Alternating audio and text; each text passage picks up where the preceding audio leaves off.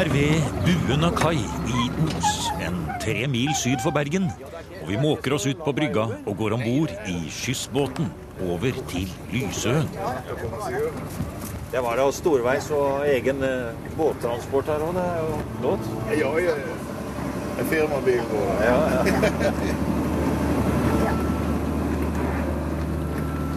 Det er vinter og surt og kaldt når vi står i styrhuset og speider etter sommerhuset til en av Norges største verdensstjerner gjennom alle tider. Der har vi villaen. Ja. Og den er flott å se på, da. Ja, det er veldig fint. Det er den jo. Nå er det jo svart-hvitt. Det er jo ikke mange forunt å komme ut her på vinteren heller. Vi har jo stengt, så det blir litt ek eksotisk. Men hele bebyggelsen ligger der. Ja, det blir vel østsiden? Sammen med avdelingsdirektør Berit Høgheim på museet Lysøen skal vi straks gå i land og vandre opp til Ole Bulls eventyrslott. Men samtidig et helt annet sted, som det heter. I en leilighet i Oslo sitter kollega Jan Henrik Ihlebekk og snakker med en av vår tids største fiolinister, Arve Tellefsen. Og de snakker selvsagt om fascinasjonen for Ole Bull. Ja, det var vel eh, ca. 1970 da, hvor jeg ble invitert til eh, Lysøen på en konsert sammen med Robert Levin eh, og Sigbjørn Bernhoft Osa. Og da, Før da så visste ikke jeg noe annet om Ole Bull enn det folk flest vet. At han var en verdensberømt fiolinist og gjorde mye rart. Og klatra til toppen av Keopspyramiden og spilte CT søndag og sånn. Så utover det så visste jeg faktisk ingenting. Men så skjønte jeg jo det når jeg var på Lysøen, hans andre hjem da i Bergen, utenfor Bergen, at uh, han hadde gjort så kolossalt mye annet utenom selve fiolinspillinga. Han var jo en verdensberømt fiolinist, men uh, det er jo ikke så stort å være verdensberømt fiolinist, men det en gjorde for norsk kulturliv utover det, det er ganske stort og veldig viktig, da. da så da ble jeg tent uh, veldig og ble nysgjerrig og begynte å grave opp og lære meg litt mer om det. Og for Lysøen kom jeg over noen brev og noen, noen gamle noter. Og, og, etter hvert så ble jeg veldig fascinert av Ole Bull, ja.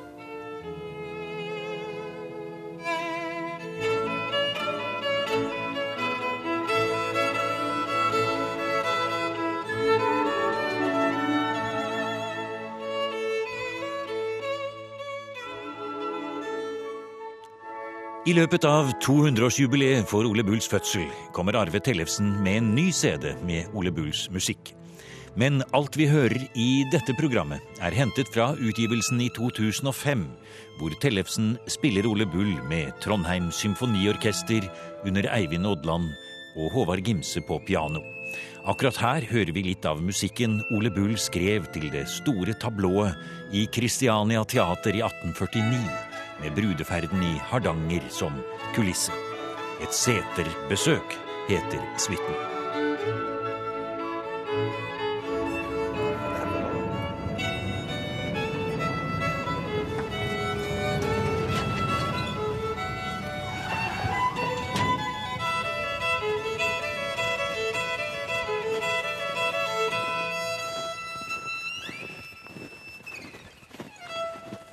Opprinnelig var hele øya vi går i land på, eid av Lyse kloster før reformasjonen. Men opp gjennom århundrene har det vært lite bosetting her. Bortsett fra litt jordbruk og fiske, sier Berit Høgheim. Selv helt opp til altså Ole Bulls tid, etter hans tid, så var det jo faktisk gårder som lå under, under klosteret. Mm. Så dette her var jo da kjøpt ut i 1872. Så kjøper altså da Ole Bull faktisk hele øya her? Ja. 700 mål øy. Ja. ja. Med dette tunet på, da, som han da lot, lot stå. Så her er det en liten strand, ja. Hvor, hør, bølgene slår inn her. Sandstranden. Ja, her er det på sommeren veldig fint å bade. Her er lagt og skjellsand, sånn at det passer både for barn og voksne å bade her. Så, så ja. på sommeren så er det et yrende liv her. Ja. Det er det. Nå går vi på en liten uh, ja, får vi nesten si idyllisk liten eh, vei mellom kastanjene her, som er en plantet allé, da, i retning opp mot dette eventyrhuset til Ole Bull. Og jeg må si, nå er vi her på vinteren. Det er hvitt, og det er helt spesielt, men det er en helt egen stemning her. Det er eh, veldig flott og vakkert her. Ja, det er en idyll. Det er det. Og nå går vi jo på en hvit vei fordi det er snø, men under her er det også hvitt. For da er det skjellsand. Og det fikk Ole Bull lagt på veiene her for at ingen skulle trå feil i sommernattens halvmørke. Her er jo ingen lys her. Så Nei, nettopp. Nå kom jo Ole Bull hit veldig sent i sitt liv, og han hadde hatt en, et brokete liv og en lang karriere før han da kommer hit på slutten av livet. Eh, Hvis du skulle fortelle litt om akkurat dette her. Vi vet jo at det står en flott statue av Ole Bull nede i sentrum av Bergen, eh, ved torvet der. Står som en faun og spiller oppi en liten bekk, nærmest som det er lavt der. Det er jo vakkert. Men er, var det der han vokste opp, i nærheten av sentrum av Bergen? ja, har vokst opp i Strandgaten i Bergen, som, i Svanapoteket, som faren da eide. Men på somrene så tilbrakte han mye tid på Valestrand på Osterøy, som eh, var et sted som besteforeldrene hans holdt til. Så han var jo opptatt av natur og vant til å ferdes i naturen, både på Valestrand og andre steder. At han skulle da bli musiker, var det så opplagt? Det var kanskje ikke så veldig opplagt, men han hadde jo da en musik musikalsk familie. Og hans eh, foreldre var jo amatørskuespillere, og det var musikkaftener da i eh, hjemmet hans. Og hans eh, onkel Jens spilte fiolin, og ga Ole Bull hans eh, første fiolin da han bare var fem år gammel. Sånn at det lå vel litt i, i kortene at han skulle spille, men at han skulle bli så stor som han ble, det var vel kanskje ikke Så det å spille for penger, spille konserter, det ble Ole Bulls på en måte jobb, det. Og det også ganske tidlig. Ja, han begynte jo eh, Altså, han spilte jo i Bergen i Harmonien allerede som åtteåring. Men han reiste jo fra Bergen som 18-åring. Og eh, da var det jo for å studere i Kristiania. Og da skulle han jo aller helst bli prest. Ja. Men han ville bare spille, og eh, brukte tiden sin på det. Og klarte da å stryke til latineksamen. Ja. Sånn at den veien ble stengt for han. Og fortsatte å spille bl.a. i Lycée i Kristiania. da. Ja. Og så reiste han ut i, ut i den store verden. Nettopp. Det er jo et underlig sted vi kommer til her. Altså, det er søylene, kuppelen, alle utskjæringene. Ja, det er jo eh, nesten litt sånn eh, Soria Moria. Der er inspirasjoner fra flere verdenshjørner. Og hvis du tar vekk eh, pynten, så er det jo et sveitserhus som står igjen. Så den kuppelen er jo landemerket vårt, da. Det er jo en fantastisk eh, russisk løkkuppel som er dekket med skifer. Og hvis du ser godt etter, så er det to farger. Det må jo liksom Ja, for vi ser det er en mørkere blåfarve også som kommer under den skal nesten baldakinen med de vridde søylene og den store trappa opp der. Ja. Og så er det da den sorte kuppelen hvitt og ja. Ja, ja det, det er et spesielt hus, og, og der er mye å gjøre på dette huset. Så det trengs mye vedlikehold. Alle detaljene skal pleies.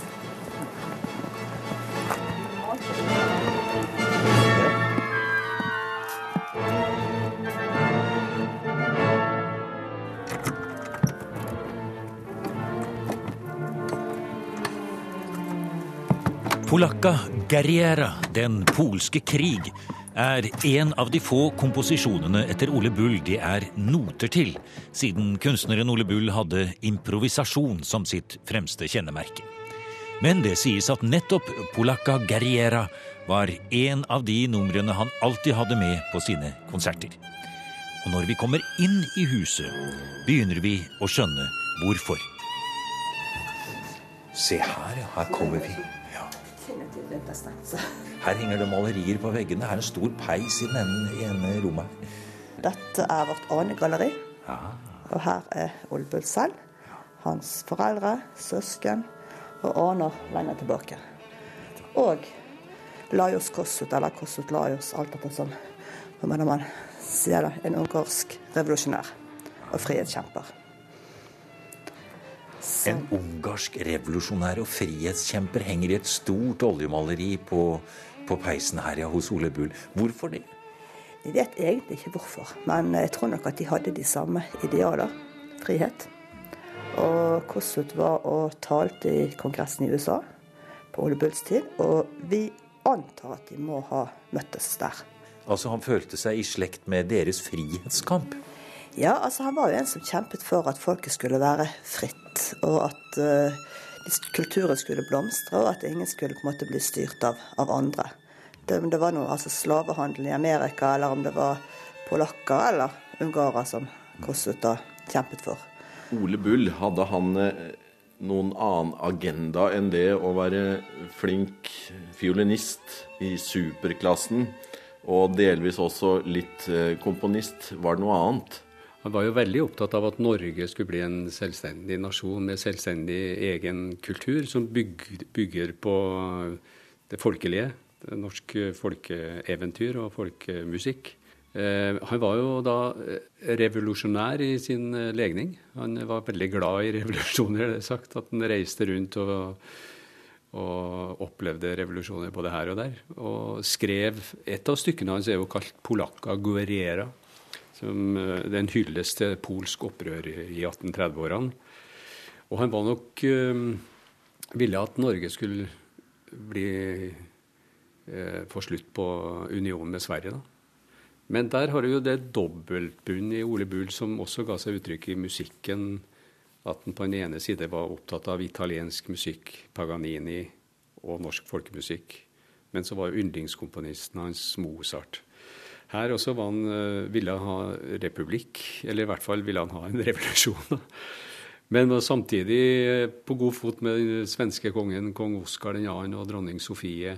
Og det var jo et, ved et besøk da, på slottet i Stockholm at han lovte svenskekongen at um, han skulle klatre til toppen av Keopspyramiden og spille Setejenten søndag til ære for konge og dronning og Sverige og Norge og alt som fantes. og sånn.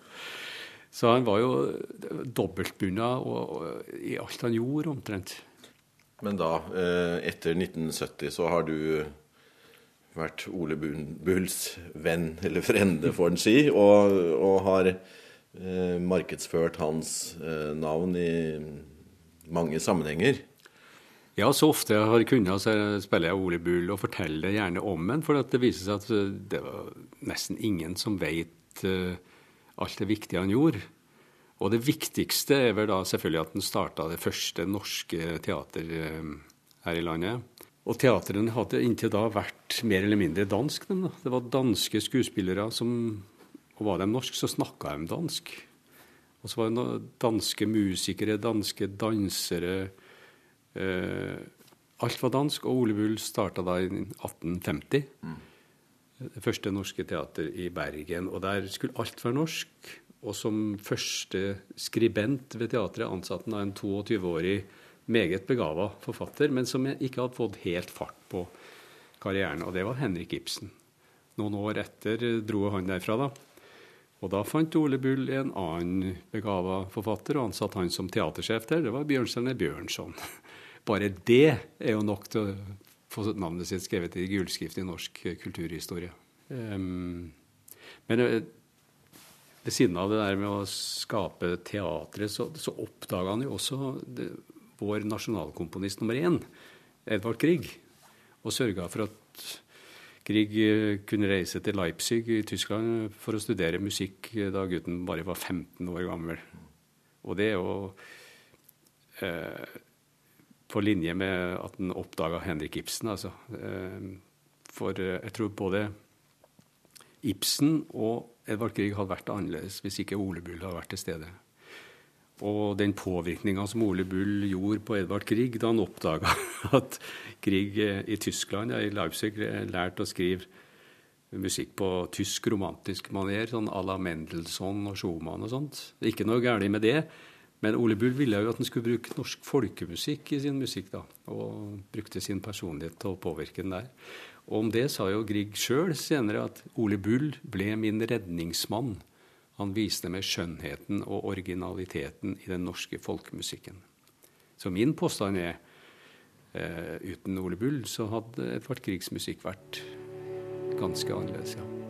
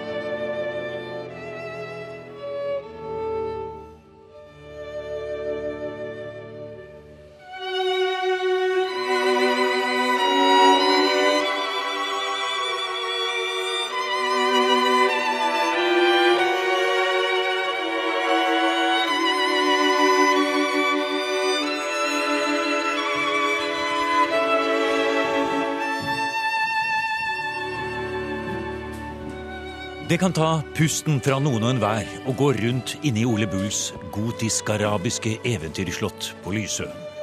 I det store musikkrommet med vridde søyler, utskjæringer, overdådige møbler, speil og krystallysekroner, med en utsikt gjennom store vinduer med glassmalerier, får man inntrykk av å gå på en teaterscene, hvor minnene etter Ole Bulls eventyrlige liv er kulissene. Ja, kanskje. Det, dette var jo da ble jo etter hvert hans, eh, hans sommerhjem for sin andre familie. For etter at den første konen døde, så fortsatte han jo sitt turnéliv. Og reiste både østover og vestover. Og spesielt eh, i Amerika så gjorde han stor suksess på de siste 20 årene av sitt liv.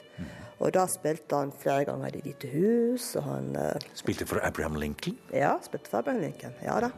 Da har vi en begeistret uh, rapport fra den konserten. Og han uh, møtte da en ung senatordatter i Wisconsin, som het Sarah Thorpe. Så Som han giftet seg med. han giftet seg med henne, Sara. Hun var 20 da de giftet seg. Hvor gammel var Ole Bull da? Da var han blitt 60. Ja. Ja. Og eh, de fikk da en datter som het Olea. Og det var for sin familie da at han bygget Lysholm. Men han hadde jo allerede hus i USA. Da hadde han et uh, sommerhus i Maine, som fremdeles er i familiens eie. Og så leiet han da hus i Cambridge utenfor Boston. Altså, han var jo en verdensstjerne. Det var han. Og eh, altså, det er vanskelig å måle opp mot dagens eh, stjerner, for i dag så har man jo et annet, en annen måte å bli kjent på. Men den gangen så, så spilte han, og folk kom på konserten hans. Men det er klart, populariteten hans gikk jo litt opp og ned. Så han gikk på en måte litt ut på datoen i Europa. Og så, når han kom til Amerika, så var den musikken hans der populær. Og i Amerika så var alt på en måte for han enklere. Der var konsertsalen større, der kunne han ta tog fra by til by. Det var, ja, han var på en måte på en litt bølge der, men samtidig så hadde han konkurrenter. sånn at han var liksom ikke alene på, på markedet. Men så hadde han, han må ha hatt noe helt spesielt som gjorde at folk kom på konsertene hans. Og han omgikkes uh, High Society i USA, og, og uh, ja, det var uh, en god tid for han da. Så, så han døde egentlig på topp.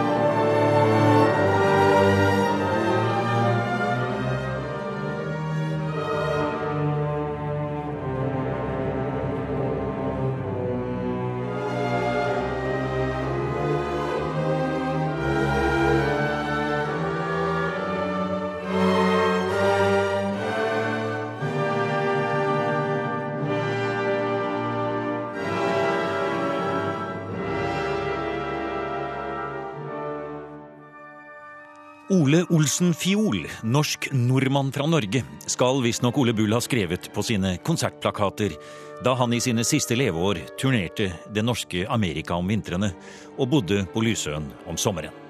Pengene strømmet inn og rant like fort ut. Det var store prosjekter som Det Norske Teatret i Bergen, Musikkakademi i Oslo, statue av Leif Eriksson i Boston og et norsk musikkprofessorat i USA, pluss selvsagt de luftige planene om en norsk koloni, Oleanna i Philadelphia, som systematisk tok knekken på Ole Bulls økonomi. Da han døde i musikksalen på Lysøen den 17. august 1880 og ble båret ut med en kvast røsling i hånden, det norskeste av alt, var det landesorg i Norge. Det eventyrlige livet og Ole Bull som inspirasjonskilde for Wergeland, Welhaven, Ibsen, Bjørnson og Vinje, og for den saks skyld H.C. Andersen, blir husket og feiret. Men hvordan var det egentlig med Ole Bulls musikk? Hva vet vi om den? Ja, det er veldig spesiell musikk, for han var jo et øyeblikkets mester som eh, improviserte på scenen. Og han var mm, tok opp temaer som publikum plystra eller sang fra salen og sånt. Og, og det var der kanskje hans største begavelse lå. Eh, en, masse av de tingene han spilte, da, er jo ikke nedskrevet engang. En del ting er akkompagnementet, altså orkester eller klaver skrevet ned, men ikke solostemmen, for den improviserte han jo gjerne på scenen. Eh, så har vi, flere med meg, da, eh, forsøkt å finne ut av hva var det han kunne ha gjort der og der og der. Altså.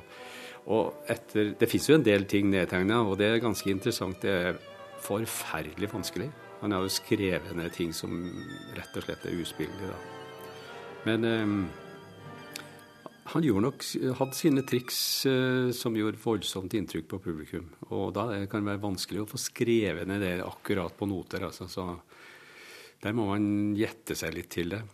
Eh, så var han jo selvfølgelig ingen komponist av stort format. Han var ikke noe, verken Mozart eller Beethoven eller Grieg eller noe sånt i den klassen. Så det var jo fiolinstykker som gjorde inntrykk på folk, romantisk, med innlagte personlige triks, da. Og mitt inntrykk er jo at uh, yngre fiolinister i dag ikke bryr seg så mye om det. det. Det gir dem ikke sjansen til å vise ordentlig hva de er gode for. da for å gjøre karriere selvfølgelig i dag, så må de jo spille klassikerne. Brahms, Beethoven, Bach og, og um, Paganini. Altså skal vi si Ole Bulls konkurrent, da. Mm. Uh, han har jo skrevet mye bedre musikk. Det må vi bare innrømme. Ole Bull var ikke så stor uh, uh, komponist som Paganini. Så Paganinis navn lever derfor uh, i beste velgående i dag, mens Ole Bull er glemt pga. at musikken han skrev ned, da, var for dårlig, rett og slett. Men du liker mye av det? Ja, jeg gjør det, men uh, det er fordi at jeg setter meg inn i det datidens uh, hvordan, hvordan, Ole Bull oppførte seg på scenen, og hvordan han påvirka publikum. Og sånn, og sånn skjønner jeg musikken fungerte veldig bra. Og så er jo selvfølgelig de to perlene 'Settejentens søndag' og 'I ensomme stunde'. Eh, de er jo, det er jo vakre melodier, men det er jo ikke noen store komposisjoner, selvfølgelig. Og de andre komposisjonene hans også er jo hørbare, men eh, ganske overfladiske. Det må vi få lov til å si, da.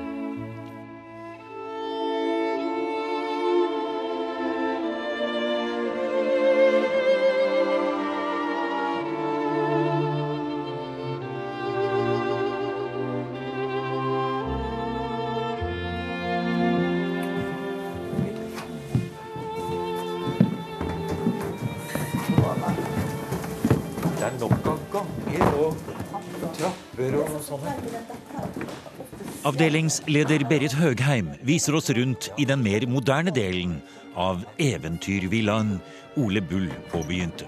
Og dette er Arve Tellesens rom når han er her. Ah, er det det? det? altså Det er det flotteste av disse gjesterommene her oppe, da, men en av grunnene til at fiolinistene får dette rommet, det er at her kan de. Ja, for her kan de løfte og øve, løfte buen. ja. Og dette rommet er jo da dekorert av Osbygdens dyktigste rosemalere. Ole Bulls amerikanske familie fortsatte å bruke huset og eiendommen som sommersted i 90 år etter kunstnerens død. Ole Bull og den unge Sara Thorpe fikk ett barn, datteren Oleanna. Og det er hennes datter igjen, Sylvia Bull Curtis, som ga eiendommen med hele øya og alle bygninger som gave til Bergen og Hordaland avdeling av Fortidsminneforeningen i 1973. Her er vi nede i dagligstuen, ja. Ja, se her. Ja, her eh, ble det gjort litt endringer i 1905. Ja. Da var det at Ole Bulls eh, datter egentlig ønsket å bosette seg her på helårsbasis. Og her også ble det bygget om av Ole Bulls sjøl. Akkurat. For å få litt mer komfort i huset. litt, eh, Så jeg hadde en veldig hyggelig rundtur i huset her med Sylvia i 1986. Da fikk jeg lov til å gå rundt med henne og, og spørre om ting. og. Og hun fortalte hvordan det var å leve. hvem som hadde brodert duken der. Den hadde hun laget, og det var stoltrekk oppe som hennes mor hadde laget. og forskjellig sånn, så veldig flott.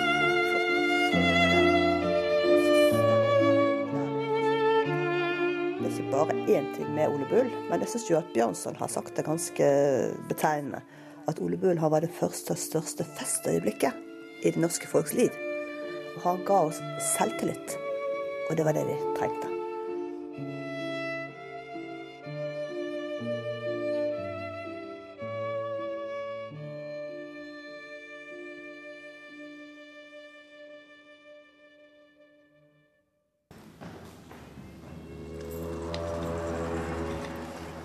Har nå hørt programmet Museum som podkast fra NRK. Museum sendes i NRK P2 på lørdager og søndager. Du finner flere programmer på nrk.no podkast.